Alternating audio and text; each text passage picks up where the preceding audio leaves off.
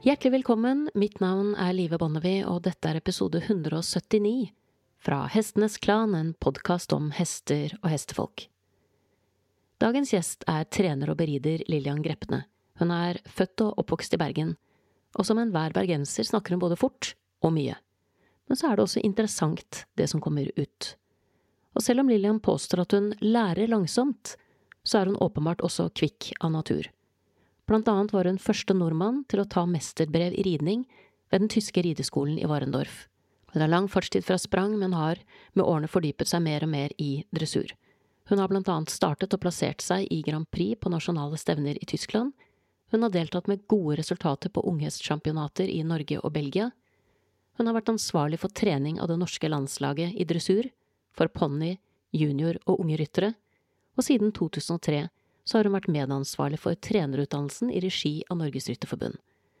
Men den viktigste grunnen til at jeg ville snakke med Lillian, det er at en av hennes hjertesaker er å gi norske trenere dypere innsikt og mer forståelse for den klassiske ridelæren.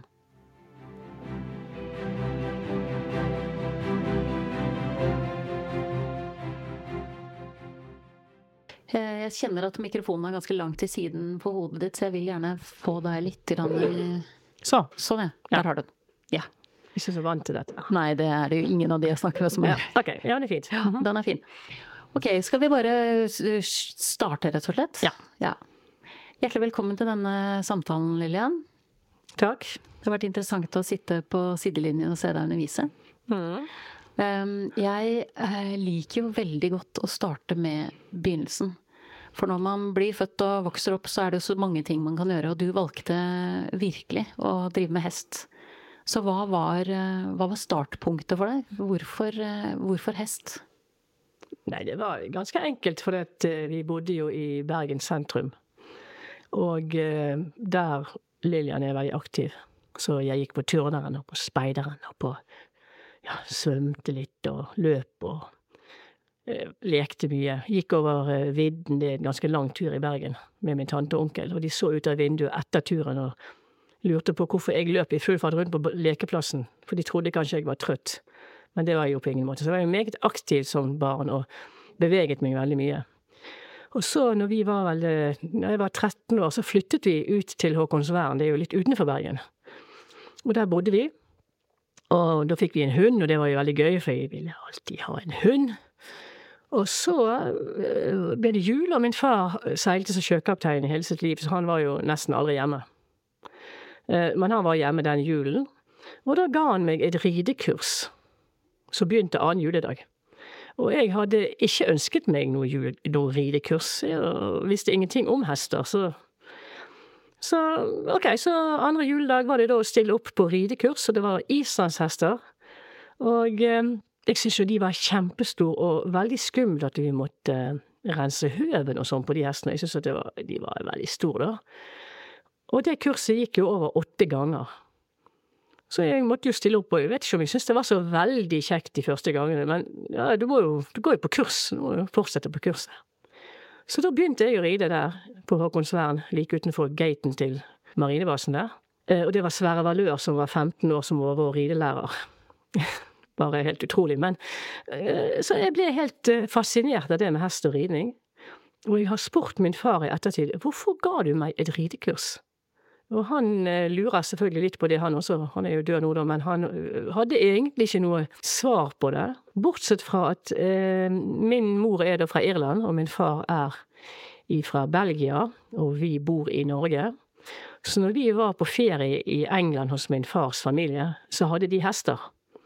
Og begge mine brødre hadde jo vært på ridetur her, og begge to hadde jo da falt av første gangen de red. For hesten står ikke av med de. Så det må ha vært en baktaker med at ja, kanskje Lilja skal gå et ridekurs. Så når vi reiser til England, så kan hun ri på hesten uten å falle av. Så jeg tror det er egentlig begynnelsen. Og når jeg begynte å ri etter de åtte gangene på kurs, så sluttet jeg med alt annet. Så var det bare hester. Da gikk eh, hva skal jeg si, da gikk heisen opp, holdt jeg på å si. Da fant du ut at det er det som er din greie? Ja, jeg syns det var veldig gøy med de hestene. Veldig interessant. Og jeg, jeg, er veldig glad i dyr. Altså gleden med å være med hunden min, eller med hesten. eller Kanarifuglen hadde vi først. En sånn undulat var det. Og det syns jeg alltid var så kjekt med de dyrene. Det kan jo hende det ligger Man sier jo det ligger litt i sånn genmateriale, og min mor var jo fra landet i Irland, og i min mors eh, våpenskjold, hun heter Divine til etternavn, der er det også noen hester i det bildet. Så min mor kommer jo fra landet, og der har man hest. Så det er jo noe som sikkert har ligget i mitt genmaterial, kan du si. Og så har du hatt en ganske utrolig reise egentlig etter det? Ja, altså Jeg gikk jo da på skolen i Bergen og tok min artium. Jeg syns det er ganske viktig at man som ungdom tar en utdannelse. Slik at hvis jeg skulle da falle av hesten en dag og slå meg, så kan jeg faktisk gå inn og studere et eller annet. Det liksom, det, og det er fint å være 18 år når man reiser hjemmefra, for da er man litt voksen, man har sertifikat til å kjøre bil. Og jeg syns det er tidsnok å reise hjemmefra når man er 18 år.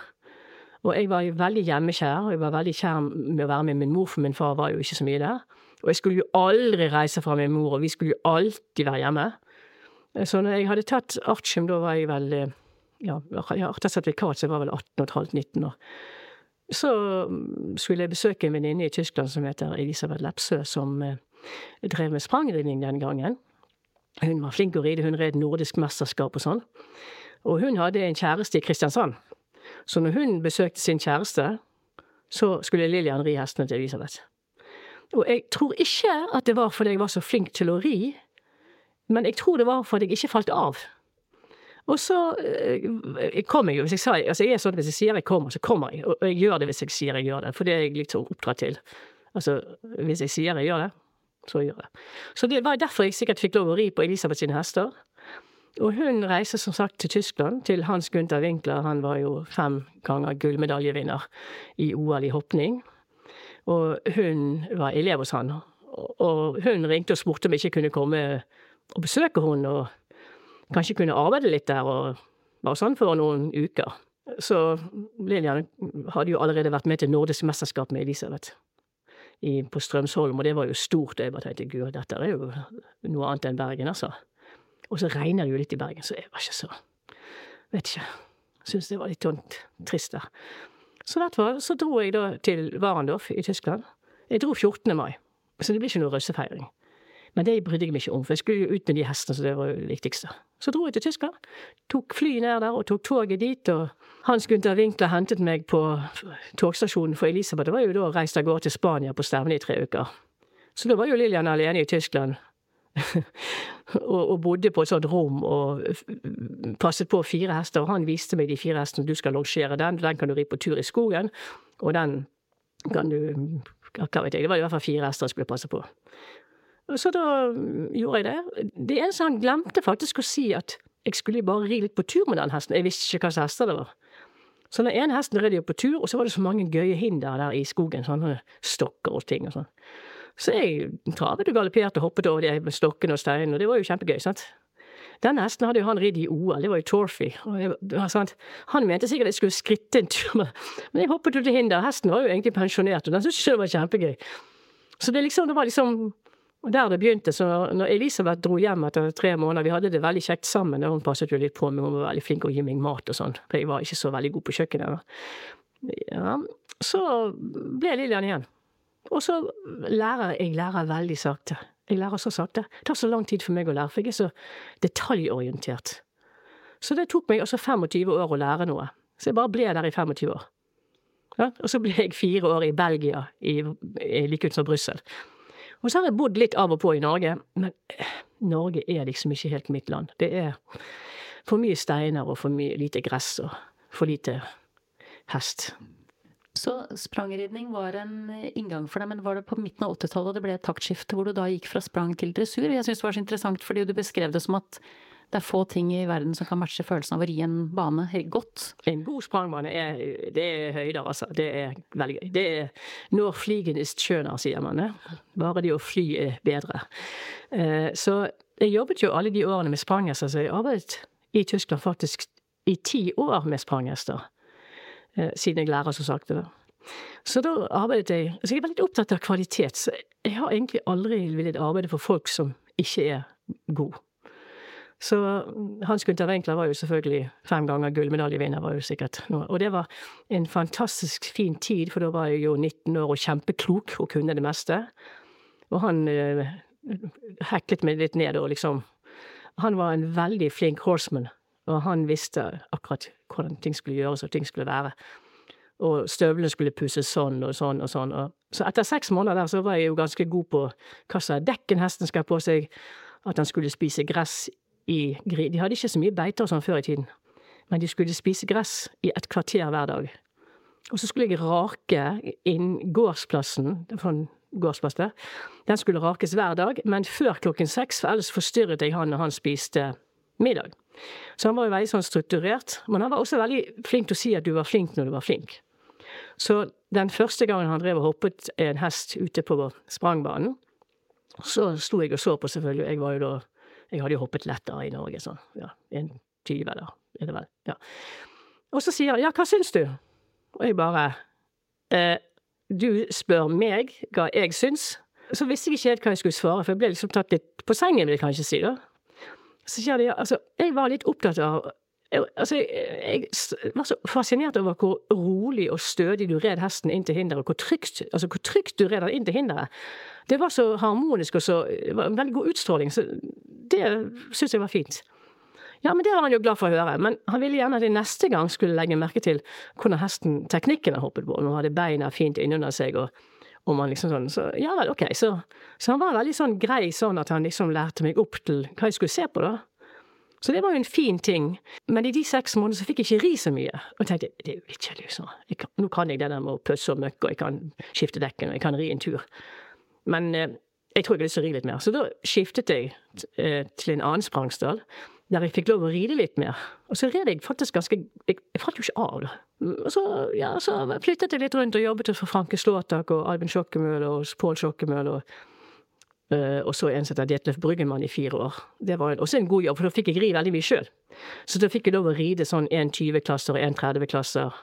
Og så var jeg med han på Hvis han red Grand Prix, så var jeg med han på Grand Prix-stevnet. Og så neste helg så var han hjemme, og da red jeg på stevnet. Og så fikk jeg ri mye, og det var jo veldig viktig for meg. Og da ble jeg jo kjent med mange folk. Sånn, han var jo Hvis du er flink til å ri i Tyskland, så kommer du på sportsskolen i Warendorf. Da blir du trent i svømming hvis du er god på svømming. Hvis du er god på pil- og bueskyting, så er det det. Hvis du er god til ris ri, så kommer du på rytterkorpset, på en måte. Og der er du i vernepliktstiden. Så jeg hadde det veldig gøy med han Detlef, for da var vi jo da i Warendorf sammen med Otto Becker og Lotger Beerbaum og alle de folkene, for de var jo like gamle. Så man ble jo veldig godt kjent med dem, og det var jo veldig gøy. Det var en veldig artig tid. Så jeg mener, altså det jeg har gjort med livet mitt, jeg angrer ikke på en ting. Jeg har gjort det en gang til. Det var bare så gøy. Så etter ti år med de spranghestene, så var liksom mine foreldre litt sånn at ja, hvis du nå har bestemt deg for å holde på med de hestene, så burde du i hvert fall få en utdannelse. Jeg husker jeg skrev et brev hjem til mine foreldre, for de ville jeg skulle komme hjem og ta en utdannelse og bli noe. Men det hadde ikke jeg tenkt. Jeg hadde jo tenkt å holde på med hestene og bli noe. Ja. Og ta en utdannelse, altså ta en beriderutdannelse, og det fikk jeg jo ikke eh, lov til først, fordi at jeg hadde norsk pass. Kunne ikke være i Tyskland. Du måtte ha et europeisk pass. Min mor var irsk, fikk irsk pass, fikk lov å være i Tyskland. Så de første årene var jeg jo ulovlig faktisk der. Så jeg måtte jo bare ikke falle av, for jeg kunne ikke komme på sykehuset. Det var jo en uting. Så det var liksom litt sånn begynnelsen. Og etter alle de årene med sprangridning som jeg gjorde, det gikk jo bra. Jeg hoppet jo klasser, og det gikk jo fint, det. Så ville jeg gjerne ta en beriderutdannelse. Men siden jeg hadde jobbet så mange år i yrket, så kunne jeg ta en test, og så kunne jeg ta beridereksamen. Nå er det forskjell på beridereksamen i Tyskland og i Danmark. I Tyskland går du tre år i lære og blir berider. Du går tre år til og blir mester. Fjerde Wirtschaftsmeister, mesterbrev. I Danmark går du seks år og blir berider. Ja? Så eh, de, jeg ble berider etter tre år, men det gikk ikke i lære. De sa i Warendorf du rir jo fint hoppning, det ser jo flott ut. Men det dressurgreiene, det har ikke du helt styr på, Lillian. Så du blir nødt til å gå i ett år lære i en dressursdal for å lære å ri dressur. Ok. Så spurte jeg hvor skal jeg gå, jeg kjenner ingen dressurmennesker. Syns ikke noe om dressur. Jeg klarer ikke å sitte på hesten i øket trav, så det er ikke min greie.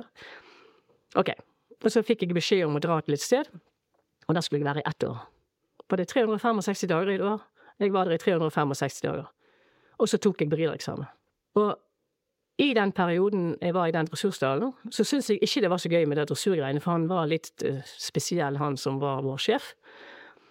Men jeg dro til uh, Schleier, det er en sånn Schleierhalle, det er sånn innendørs stevne.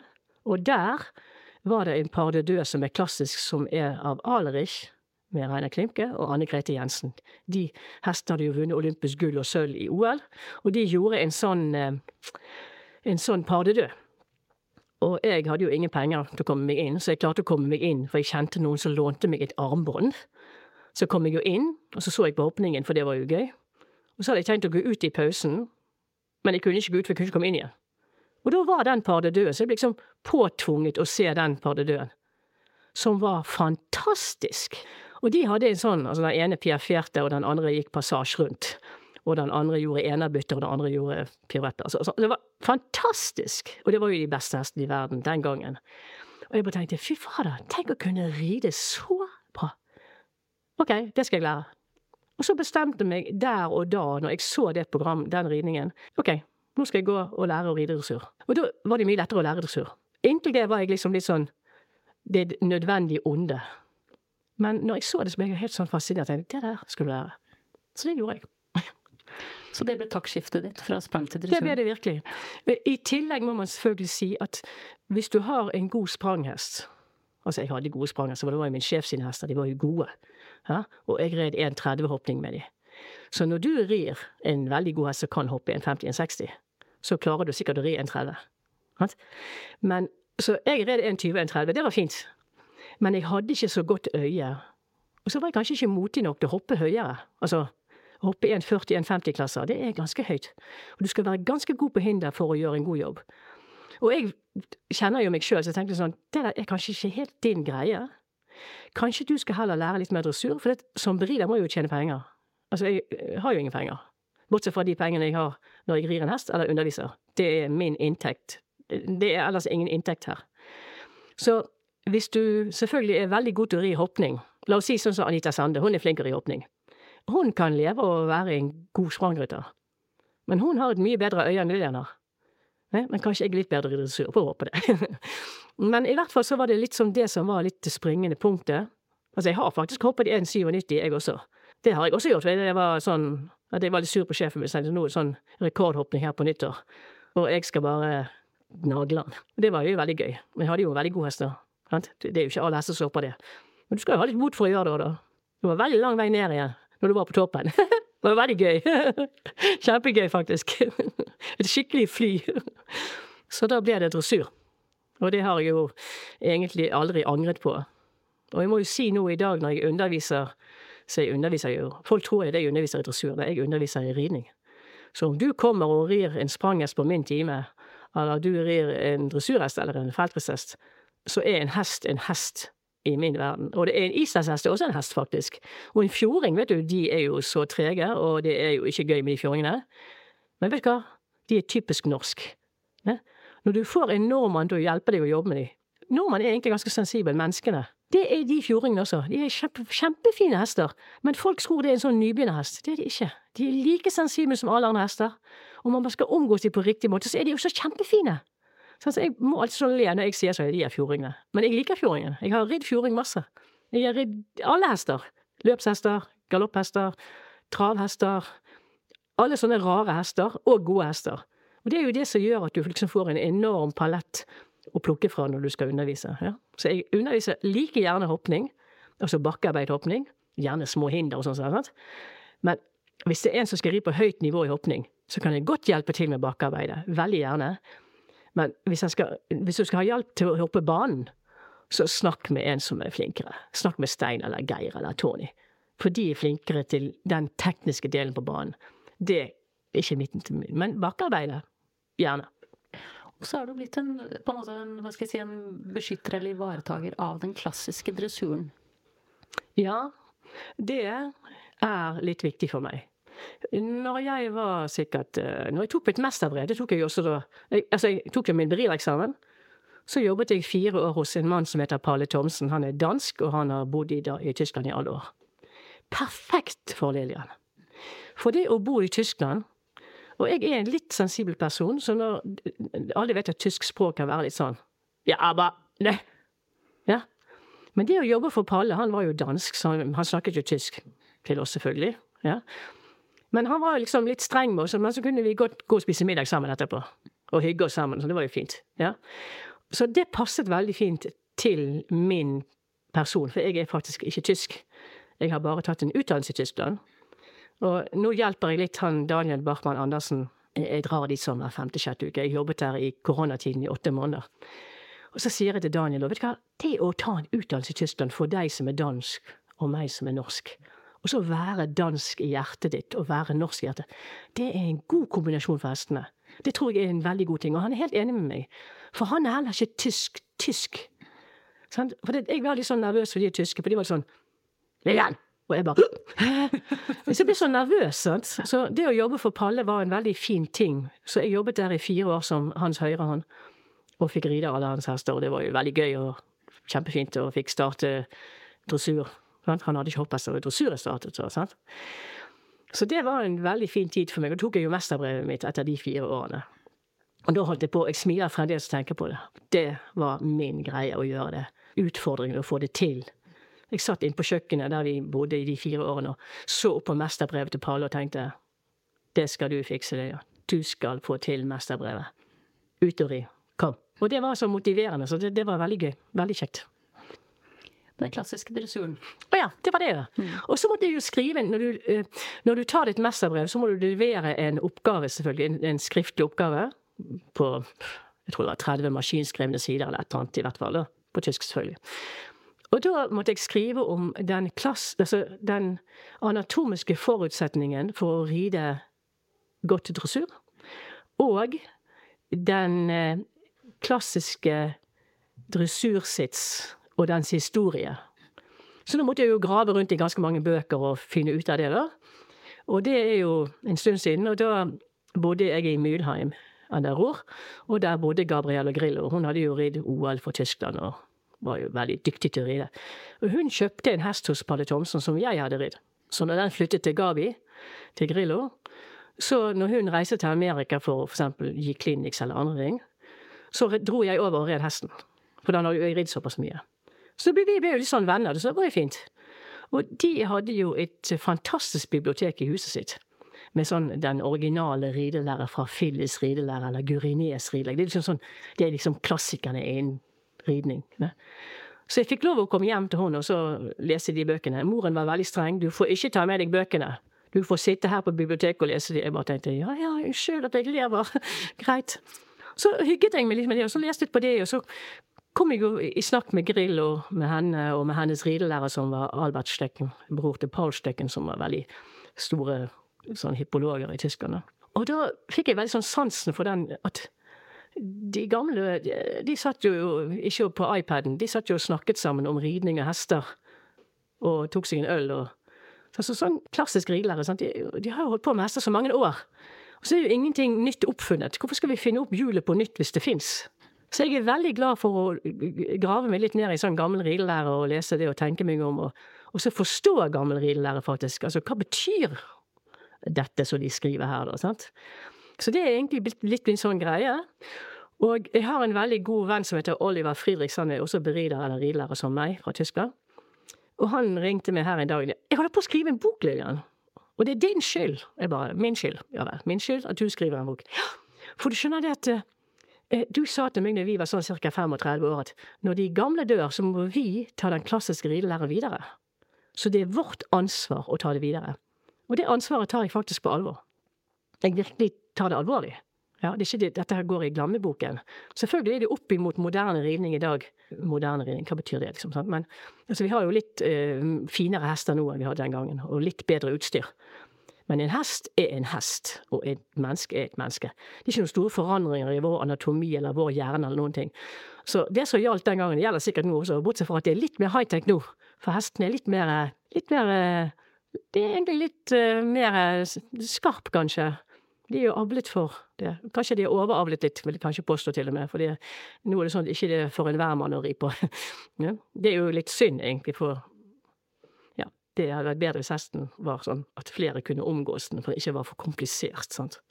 Men det har jo med horsemanship å gjøre igjen. Så det er derfor jeg er litt sånn opptatt av det. Og, Jeg var også med i styret av Xenofon. Xenofon er en sånn eh, forening i Tyskland som har som Det er liksom Garlshuter, heter det Garlshuter? De som passer på en skatt. Ja, de passer på den klassiske rigglære. Der var jeg med i bestyrelsen en stund. Og det er virkelig det handler om, den klassiske rigglære, og god dyrevelferd. Og den må man liksom forstå hva det betyr, den gode dyrevelferden. Altså det er dyr, det er ikke et menneske, dette her. sant? Altså, du må være litt sånn tydelig på riktig, bra, flink, dyktig, nei, ditt, sånn. sant? Ja, det er, det er god dyrevelferd. Sette litt grenser, så hesten vet hva sant? Så folk forstår. Sant? For det kan jo være veldig Vi skulle ha et foredrag på Rytterforbundet for noen år tilbake, og da skulle vi snakke om at uh, om at uh, ridning er ikke farlig, eller jeg vet ikke, det var sånn. Jeg bare sånn Jeg kan ikke være med på diskusjonen. For for meg kan ridning bli veldig farlig. Hvis ikke du vet hva du holder på med, det kan bli veldig farlig. Så det, liksom det å lære å lese hesten, forstå hesten, og så lese situasjonen før den oppstår, at du fanger opp ting, fanger opp tegnet, hesten snakker jo hele tiden. Men han snakker med en veldig stille stemme. Du må liksom lese ansikt og øyne og ørene. Altså hele kroppsspråket dens og mitt, det fletter sammen, det. Tankesettet. Alt. Veldig interessant. Så kanskje den gangen jeg jobbet hos han Hans Gunther Winkler og de spranghestene, så var det jo ingen sånn fancy lastebiler og sånn. Da var liksom min seng var på noen halmballer eller på en sånn campingseng foran hestens boks på et stevne. For han Hans Gunther Winkler var veldig opptatt av at ikke hans hest skulle bli dopet av en eller annen. Så da måtte alltid noen være foran den boksen og passe på. Så hvis, hvis jeg gikk og spiste, så var koden hans der. Eller så var jeg der. Så jeg lærte jo mye om hvordan hester sover, og hvordan de lever. Så jeg var jo der. Jeg har sikkert sovet 300 netter i en stall. Jeg har ikke skadet meg. Det var helt fint, det. Men jeg vet mye om hester, for jeg har liksom hatt, hatt det så tett på meg hele tiden at liksom De er jo der. Det er jo en veldig naturlig del av, av meg. Det er jo en, jeg merker at det er en del av diskusjonen som går på dette i forhold til Flere av mine lyttere tar også kontakt med meg i forhold til dette med grensesetting. Altså at det er mange som syns det er utfordrende å være tydelig, men samtidig være det på en måte som gjør at de føler at de kan stå inne for det, hvis det gir mening. Det fins jo mange seminarer man kan gå og besøke og høre på og sånn og sånn. Og det gjør jeg sikkert to ganger i år, at jeg drar på et eller annet som jeg syns kunne vært noe for meg. Ja. Og jeg er medlem av noe som heter International Dressage Trainers Club. Og det er en gang i året eller to ganger i året treffes de et eller annet sted. Og da er det alles mulige slags temaer som er tatt opp. Og sist gang jeg var der, så var det en som heter Tristan Tucker. Han er du har sikkert hørt om han. Han er faktisk han, han er jo liksom på YouTube, så rir han rundt i sånn eh, frakk og sylinder, så sånn krøllete hår og ølmage, sånn stor pute.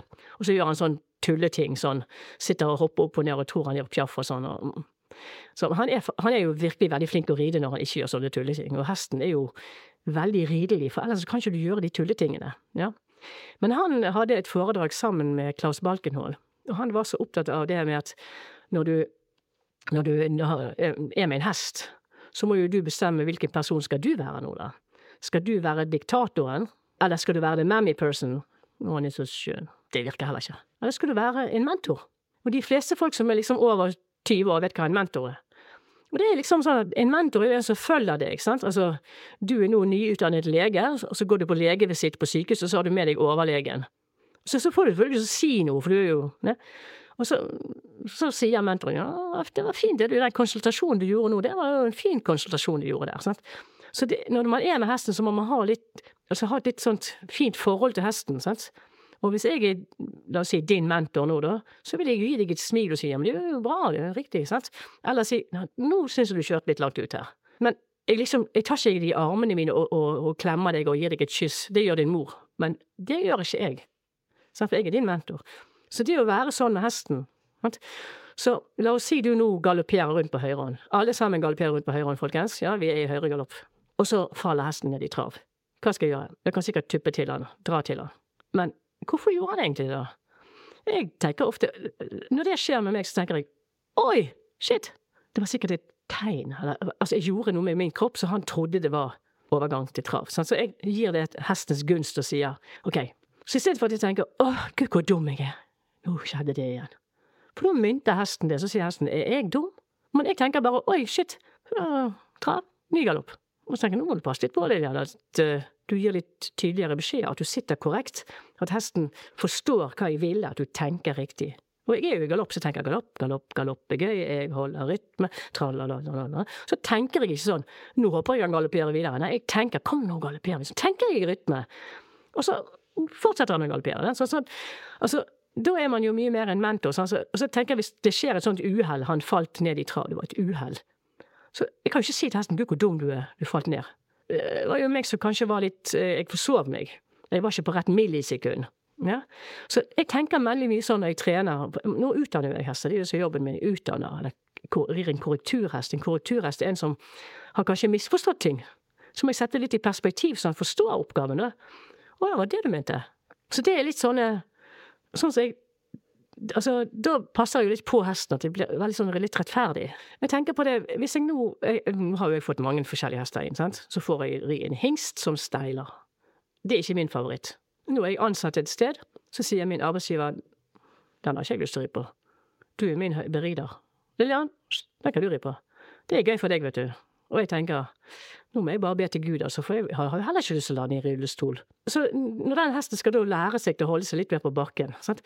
Altså, jeg tenker han er jo ikke en morder. Han er en lommetyv. Han stjeler ved bordet. Altså, så da kan jeg jo slappe han på fingeren og si nå, slutt å stjele ved bordet, oppfør deg ordentlig her på flate. Ne? Men husk på, hvis jeg får en hingst i trening som steiler og virkelig er avtalt, da sier jeg nei takk, jeg vil ikke ha han.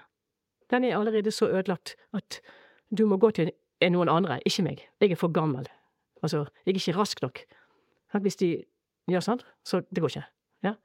Så det er liksom det at liksom Altså, er det en lommetyv jeg har med å gjøre, eller er det en morder?